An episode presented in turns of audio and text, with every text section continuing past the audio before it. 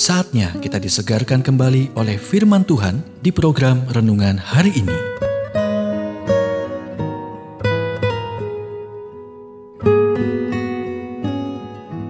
Renungan hari ini berjudul Mengatasi Keputusasaan bagian yang kedua. Nats firman Tuhan diambil dari Markus 11 ayat 23. Apa yang dikatakannya itu akan terjadi. Untuk mengatasi keputusasaan, berikut adalah dua hal yang dapat membantu. Yang pertama, ucapkan kata-kata yang tepat.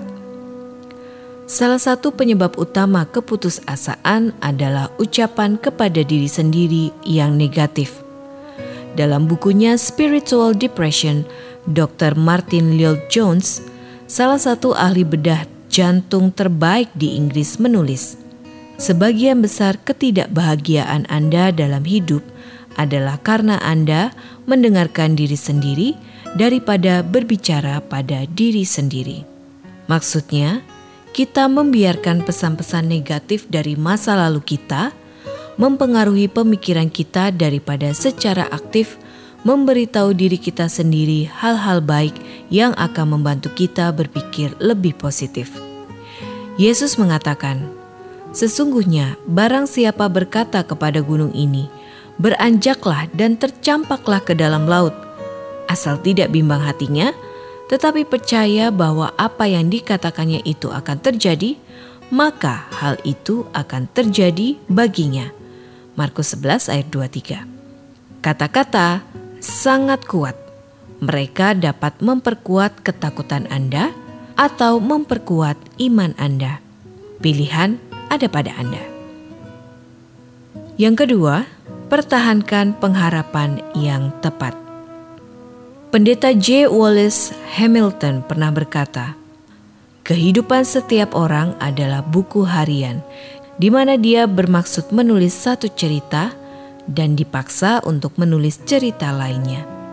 Tidakkah Anda menemukan bahwa itu benar dalam pengalaman Anda sendiri? Begitu sering hidup ternyata berbeda dari apa yang Anda rencanakan. Tapi ini kabar baiknya. Cerita yang Anda tulis sebenarnya bisa lebih baik dari yang Anda bayangkan. Tapi Anda mungkin harus menyesuaikan harapan Anda. Bill dan Gloria Gator menulis lirik lagu yang membangkitkan semangat. Saya mengantisipasi intervensi supernatural Tuhan yang tak terhindarkan – saya mengharapkan keajaiban. Apa yang Anda antisipasi? Sebelum Anda menjawab pertanyaan itu, ambillah Alkitab dan lihat apa yang Tuhan telah janjikan kepada Anda, lalu mintalah.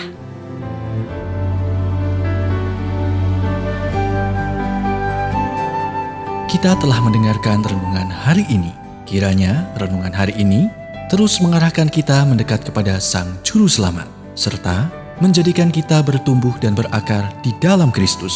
Renungan hari ini tersedia dalam bentuk buku maupun digital dan bisa Anda miliki dengan menghubungi Japri di WhatsApp 0812 8784 7210 atau email ke infoapripusat@gmail.com. Tuhan memberkati.